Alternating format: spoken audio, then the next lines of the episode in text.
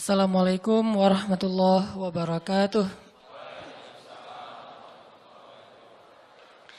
Alhamdulillahirabbil alamin. Alhamdulillahilladzi arsala rasulahu bil huda wa dinil haq liyudhhirahu 'ala ad-dini kullihi wa kafa billahi syahida. Asyhadu an la ilaha illallah wahdahu la syarikalah wa asyhadu anna Muhammadan abduhu wa rasuluhu la nabiyya ba'dah.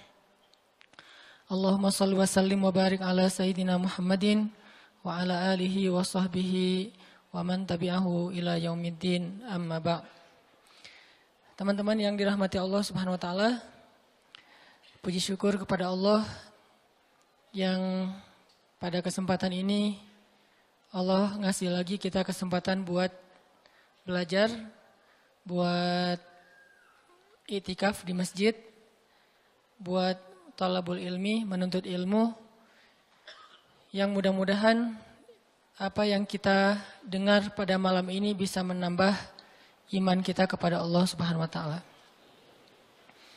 Karena seperti yang pernah saya sampaikan dulu tuh mencari ilmu dalam Islam uh, intinya adalah mengasah rasa. Bukan menambah wawasan. Menambah wawasan itu kebaikan, tapi bukan inti dari ilmu. Inti dari ilmu itu adalah mengasah rasa di dalam hati. Yang kalau dalam bahasa Islam disebut dengan dalam bahasa agama disebut dengan iman.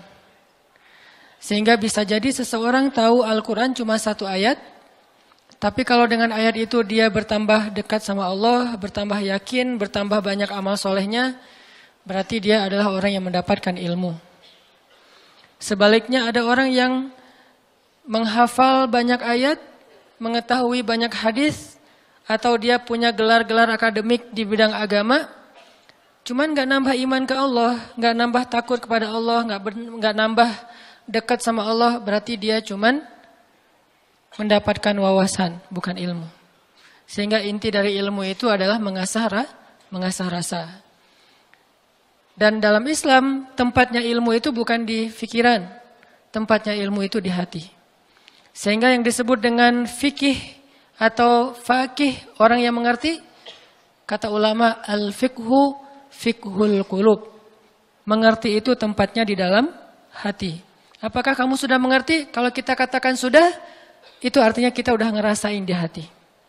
Bukan sudah mengerti dalam arti kita udah hafal udah faham udah uh, ingat udah tahu bukan itu yang dimaksud dengan sudah mengerti dalam kalimat fikih tetapi yang dimaksud dengan kalimat mengerti sudah bertambah yakin di dalam hati. Sehingga kalau misalnya kita dengar satu nasihat, satu ilmu, satu tausiah, nggak nambah yakin dalam hati, berarti kita baru dapat wawasan. Makanya mudah-mudahan majelis-majelis kayak gini nih bisa benar-benar mencas iman kita. Yazid bisa nambah keyakinan kita kepada Allah Subhanahu wa taala. Walaupun teorinya mungkin nggak terlalu rumit ada mungkin pembahasan tentang uh, akidah mengenal Allah dengan teori yang rumit. Dibagi-bagi. Misalnya akidah itu terbagi kepada empat bagian. Ada istilah rububiyah, ada istilah uluhiyah, ada istilah asma, ada istilah sifat.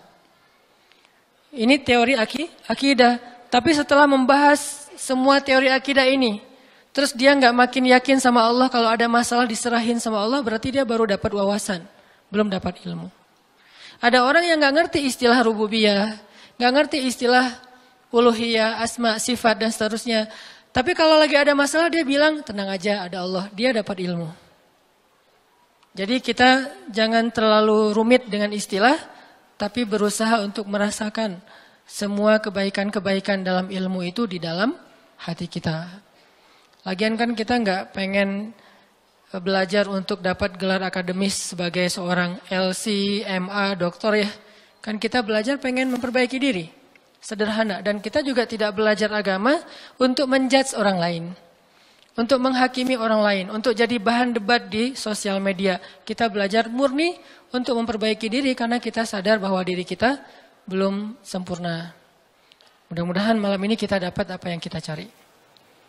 Terus makasih untuk kesekian kalinya buat teman-teman yang selalu hadir, yang istiqomah, yang bahkan diam-diam banyak yang datang dari tempat-tempat yang jauh, yang diam-diam banyak yang sudah berkorban untuk bisa hadir dalam majelis ilmu ini, yang mungkin udah berusaha semaksimal mungkin untuk hadir lebih awal, tapi ternyata qadarullah tetap nggak dapat tempat di dalam, harus tetap di luar, maka mudah-mudahan Allah Maha tahu apa yang sudah teman-teman perjuangkan. Dan saya selalu nge-mention tentang anak muda Bandung ke mana pun saya pergi bahwa memang syiar teman-teman di Bandung ini udah tersebar di seluruh Indonesia. Bahkan mudah-mudahan udah tersebar di luar Indonesia bahwa semangat hijrah anak-anak muda Bandung ditiru oleh anak-anak muda di tempat-tempat yang lain insya Allah. Sehingga kita dapat pahala dari kebaikan yang ditiru itu. Waja'alna lil muttaqina imama. Jadikanlah kami imam, teladan dalam ketakwaan. Jadi imam di sini bukan suami. Kalau itu masih lama kali ya. imam di sini adalah telah teladan. Da, belum ada tanda-tandanya soalnya. Baik, teman-teman, malam ini kita akan bahas tema plesetan dari uh, salah satu grup band pada masanya. Yang tahu ini berarti usianya sekian. e, saya juga nggak tahu karena masih muda. Nggak nggak gaul makanya nggak tahu. Kalau nggak salah namanya Lamb of God ya. Jadi diplesetin jadi Mat of God. Tentang apa itu? Tentang ini kalau yang plesetannya ya. Tentang gimana kita belajar memahami maunya Allah. Gimana kita belajar mengerti apa yang Allah kehendaki di dalam satu peristiwa kalau kita ngalamin sesuatu. Karena kalau kita nggak ngerti maunya Allah, nggak ngerti apa kehendak Allah di dalam apa yang kita alamin, kita jadi gampang putus asa. Kita jadi kadang-kadang malah berburuk sangka kepada Allah. Kalau udah berburuk sangka kepada Allah, pasti kita akan mengambil jalan-jalan yang harusnya kita hindari. Nah, kita belajar nih memahami Allah kayak gimana sih maunya. Dan orang yang dekat sama Allah ngerti banget yang gini-gini nih. Kita pengen belajar kayak gitu juga. Kan ada orang, sebutlah kita ya sama teman. Kita tuh udah dekat sama dia. Dari SD kita udah barengan. Sama-sama SD tapi beda SD-nya. Eh nggak lucu ya. Nggak ketawa gitu. Dari SD udah barengan, SMP barengan, SM, apa SMP apa? SMA barengan, kuliah barengan, nikah sendiri-sendiri. Nah, udah dari dulu tuh kita udah kenal banget sama dia. Jadi kan kita udah punya feel ya. Udah ngerti banget lah, udah peka banget dia kayak gini, dia kayak gitu, dia lagi sedih, dia lagi marah, dia tersinggung. Kita udah ngerti banget nih. Begitu dia ngomong satu kata, kita langsung ngerti. Misalnya dia ngomong apa gitu. Oh, berarti dia lagi nggak enak hati nih. Dia WA aja nih. Di WA kalau dia bilang aku berarti lagi santai. Kalau dia bilang saya berarti dia lagi kayak ada masalah nih sama kita. Ya udah nanti saya tunggu di mana gitu. Oh, kayaknya ada salah nih. Jadi kita peka karena kita ngerti di ngerti dia. Terus ada apa yang kita lakuin tuh kita ngelakukan sesuai dengan karena kita empati ya. Kita ngelakuinnya sesuai dengan apa yang nyaman buat dia. Terus kalau dia misalnya ngelakuin sesuatu kita ngerti kenapa dia melakukan itu. Nggak sampai seseorang suuzon. Kenapa ada orang suuzon sama dia? Karena nggak ngerti sama dia. Kenapa ada orang yang salah karena nggak ngerti. Gitu juga kita ke Allah. Sahabat Nabi itu sangat mengerti Allah kayak gimana, Rasul kayak gimana. Sehingga ketika turun ayat Al-Quran, mereka bukan cuma ngerti teks atau makna dari ayat secara tekstual, tapi mereka juga ngerti pesan di balik ayat itu. Ini berarti kita udah berusaha untuk berpikir dengan apa maunya Allah. Kalau bahasa agama dengan logika robbaniyah, bukan dengan logika ilmi, ilmiah, tapi robbaniyah. Berpikir dengan logika Allah, bukan dengan logika kita doang. Contoh teman-teman, ketika turun ayat salah satu ayat terakhir yang turun kepada Nabi di Al-Maidah. Al-yauma akmaltu lakum dinakum wa atmamtu alaikum ni'mati wa raditu lakumul Islam dinan. Hari ini telah aku sempurnakan untuk kalian nikmatku singkatnya dan aku ridhoi Islam sebagai agama bagi kalian. Ketika turun ayat ini, sebagian besar para sahabat bertakbir, Allahu Akbar, bahagia gitu. Kenapa bahagia? Karena ayat ini ayat berita gembira, artinya Islam udah sempurna. Islam sudah utuh, syariat udah beres nih. Tapi ada satu sahabat, yaitu Abu Bakar As-Siddiq malah nangis ketika ayat ini turun. Ketika yang lain berbahagia. Ditanya sama sahabat yang lain kayak Umar gitu, ya Abu Bakar, wahai Abu Bakar, kenapa kamu bersedih, kenapa kamu nangis? Bukankah ini ayat bushra, berita gembira? Kata Abu Bakar, ya ini ayat berita gembira. Terus kenapa kamu sedih?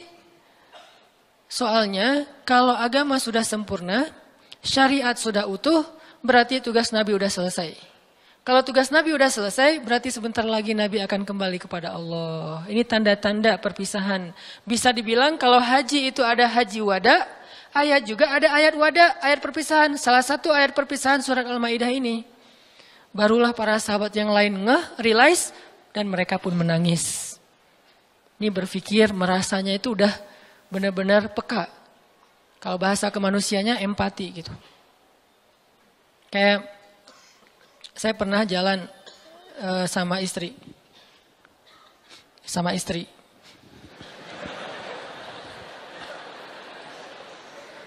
Soalnya nggak mau saya jalan sendiri. Pasti sama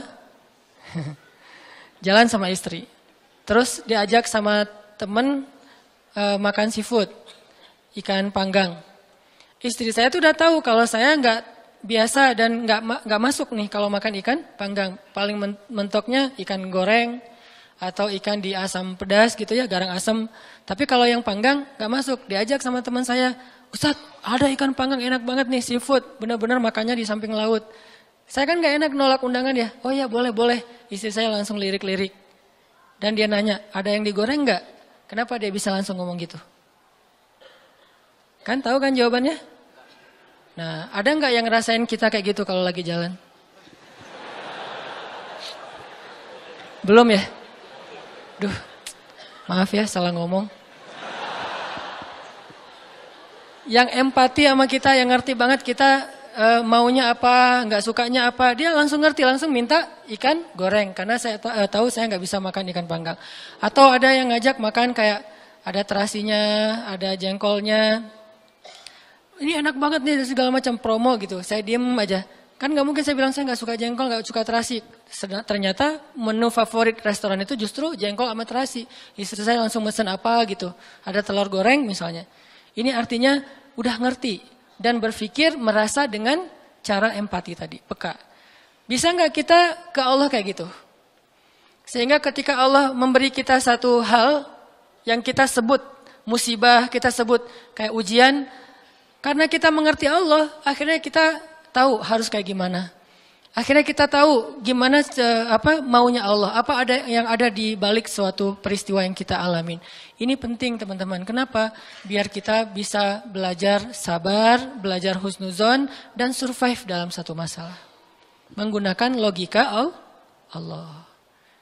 Nah, untuk itu kita coba angkat satu kisah di dalam Al-Qur'an yang menjelaskan tentang matematikanya Allah ini ada di dalam surat Al-Anfal.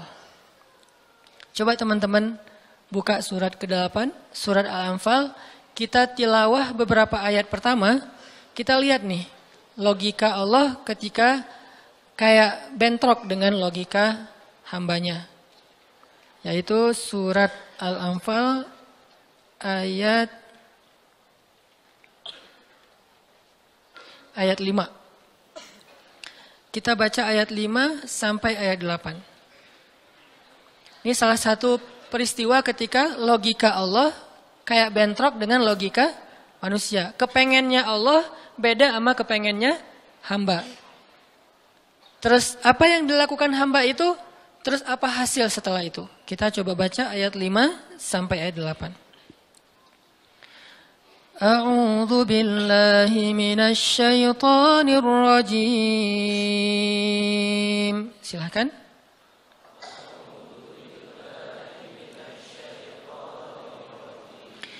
بسم الله الرحمن الرحيم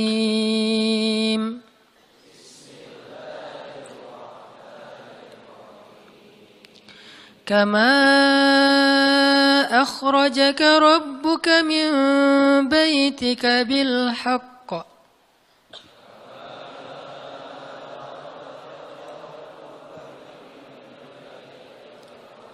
وإن فريقا من المؤمنين لكارهون.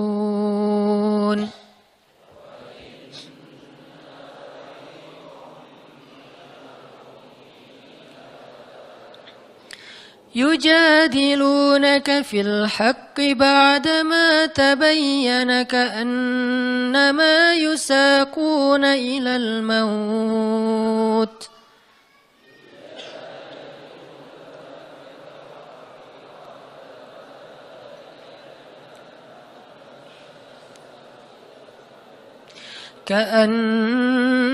كأنما يساقون إلى الموت وهم ينظرون.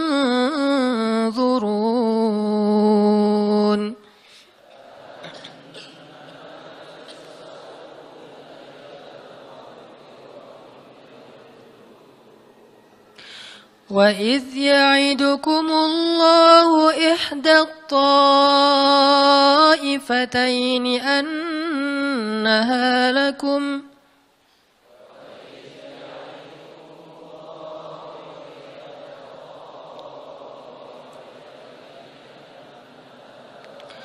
وتودون أن غير ذات الشوكة تكون لكم.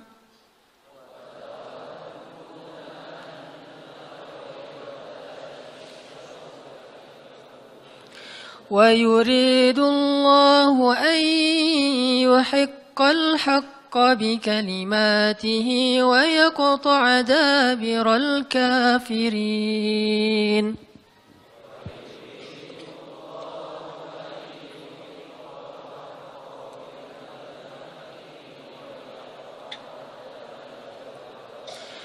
ليحق الحق ويبطل الباطل ولو كره المجرمون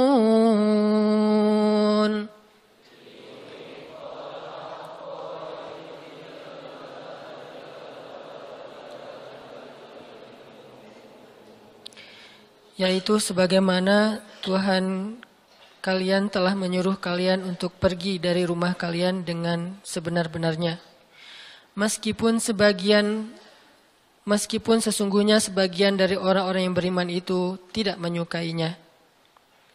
Mereka membantahmu wahai Muhammad tentang kebenaran setelah nyata bahwa mereka pasti akan menang.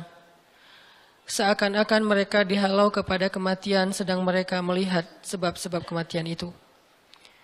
Dan ingatlah ketika Allah menjadikan kepada kalian, menjanjikan kepada kalian bahwa salah satu dari dua golongan yang kalian hadapi adalah untuk kalian, sedangkan kalian menginginkan golongan yang tidak memiliki senjatalah untuk kalian.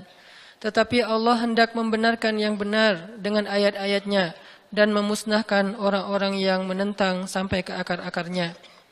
Agar Allah memperkuat yang hak itu Islam dan menghilangkan yang batil atau kemusyrikan walaupun orang-orang yang berdosa itu tidak menyukainya. Sadaqallahul azim. Ngerti teman-teman? Agak kurang jelas ya. Kenapa kurang jelas? Karena kita e, mungkin sebagian belum membaca kisah yang ada di dalam ayat ini. Salah satu tips paling gampang kalau kita pengen ngerti ayat Al-Quran, baca dulu sejarah yang berkaitan dengan ayat itu. Kalau dalam ilmu tafsir itu disebut dengan asbabun nuzul. E, peristiwa-peristiwa yang menyebabkan turunnya ayat tersebut. Contohnya surat Al-Anfal. Kalau teman-teman pengen ngerti surat Al-Anfal, coba sebelum baca surat Al-Anfal, baca dulu peristiwa Perang Badar secara lengkap. Nanti di buku sejarah tuh ada perang Badar, cari yang paling tebal biar nanti pas kita baca detail, banyak hal-hal kecil yang kita jadi ketahuan. Baca surat uh, baca peristiwa perang Badar, setelah berkali-kali baca udah ngerti banget kayak nonton film berkali-kali sampai hafal. Setelah itu coba baca surat Al-Anfal. Pasti beda. Seolah-olah kita ngalamin ketika ayat itu turun. Itulah bedanya sahabat sama kita. Mereka lebih mengerti Al-Quran karena mereka ngalamin. Nah kita kan cuma membaca teks sejarah tidak mengalami. Tapi kalau kita baca sejarah berkali-kali lalu baca Al-Anfal itu akan lebih berasa. Itu yang saya alami. Nah termasuk ayat yang tadi kita baca. Apa sih yang terjadi sampai turun ayat kayak gini? Yang terjadi dulu di tahun kedua setelah Nabi hijrah ke Madinah. Orang-orang Mekah yang dipimpin oleh Abu Sufyan mau berdagang ke Syam apa yang mereka bawa dalam karavan dagang? Harta-harta orang Islam yang dirampas ketika orang Islam hijrah ke Madinah. Jadi kayak misalnya Abu Bakar hijrah ke Madinah. Harta Abu Bakar yang ditinggalin di Mekah itu dirampas sama Abu Sufyan. Terus ada Suhaib bin Amr Ar-Rumi hijrah ke Madinah. Semua harta yang ditinggalkan di Mekah, pasarnya, Eh, ladangnya, eh, ternak-ternaknya diambil oleh Abu Sufyan lalu didagangkan ke Syam. Nah, setelah dua tahun kaum muslimin berada di Madinah, dapat kabar nih kalau Abu Sufyan dan karavan dagangnya baru pulang dari Syam membawa keuntungan hasil dagang harta kaum muslimin yang dirampas di Mekah. Berarti yang dibawa oleh Abu Sufyan harta siapa? Harta kaum muslimin ya, harta sahabat. Sehingga Nabi mengatakan, mari kita cegat Abu Sufyan yang ngelewatin jalur dekat kota Madinah, karena memang itu jalur lintas eh, apa antar negara. Mari kita cegat Abu Sufyan dan kita ambil kembali hak kita. Itu tawaran Nabi kepada orang-orang muhajirin. Makanya bisa dibilang perang Badar ini perang khusus buat orang muhajirin. Orang Ansor nggak boleh ikut. Karena awalnya juga pengen ngambil harta orang muhajirin. Itu skenario awal. Mencegat karavan dagang untuk mengambil kembali hak mereka. Yang namanya karavan dagang kan nggak banyak pengawal. Beda dengan pasukan perang. Paling-paling pengawalnya 10-20 dibandingkan sahabat yang 300 orang, ah ini kecil. Sedangkan keuntungannya kalau berhasil mencegat besar. Jadi tantangannya, resikonya kecil, keuntungannya besar. Ini skenario awal. Sehingga para sahabat semangat. Udah dua tahun kita kelaparan, udah dua tahun kita nggak punya apa-apa, bergantung kepada orang Ansor, nggak enak sama orang Ansor. Masa makan terus di rumah orang? Nah sekarang kebetulan harta kita lewat nih, ya udah kita rampas lagi. Itu skenario A awal. Udah siap-siap nih, udah siap-siap mau berangkat jalan. Tengah jalan Abu Sufyan dapat berita, kan pakai mata-mata gitu, dapat berita bahwa kaum muslimin mau mencegat, akhirnya Abu Sufyan langsung nelpon Abu Jahal. Eh Jahal gitu. Nelpon Abu Abu Jahal dan sinyalnya bagus lagi waktu itu, langsung telepon, nggak putus-putus. Kita mau dicegat nih, coba kamu kirim pasukan untuk melindungi karavan dagang. Soalnya harta yang kami bawa juga ada hak kamu di situ. Jadi diiming-imingi. Abu Jahal pun kemudian mengumpulkan orang-orang Mekah sebanyak kurang lebih seribu orang untuk mengawal karavan dagangnya Abu Sufyan. Langsung apa, melesat, satu pasukan bergerak cepat sehingga sekarang ada dua target. Satu karavan dagang, satu lagi pasukan militer yang jumlahnya seribu orang. Tiga kali lipat lebih banyak dari kaum muslimin. Tiba-tiba turun ayat kepada Nabi. Terus Nabi mengatakan kepada para sahabat, Wahai para sahabat, sekarang kita punya dua pilihan. Mau tetap mencegat Abu Sufyan atau kita sekarang malah beralih ke Abu Jahal dengan pasukannya. Sok pilih yang mana kalian? Kaum muslimin sebagian besar memilih tetap seperti rencana awal mencegat karavan dagang. Jangan mencegat pasukan. Ngapain kita capek-capek perang sama Abu Jahal, untungnya nggak ada. Terus pasukannya lebih banyak, resikonya lebih besar. Dan mereka terlatih, kita sipil yang dipersenjatai seadanya. Mending kita tetap kepada Abu Sufyan, untungnya besar, resikonya kecil, dan sama-sama sipil. Tapi ternyata ketika disuruh pilih kayak gitu, kaum muslimin udah memilih pilihan mereka, Allah memilih pilihan Allah. Kata Allah, enggak, aku memilih kalian menghadapi Abu Jahal. Berat gak sih kayak gitu?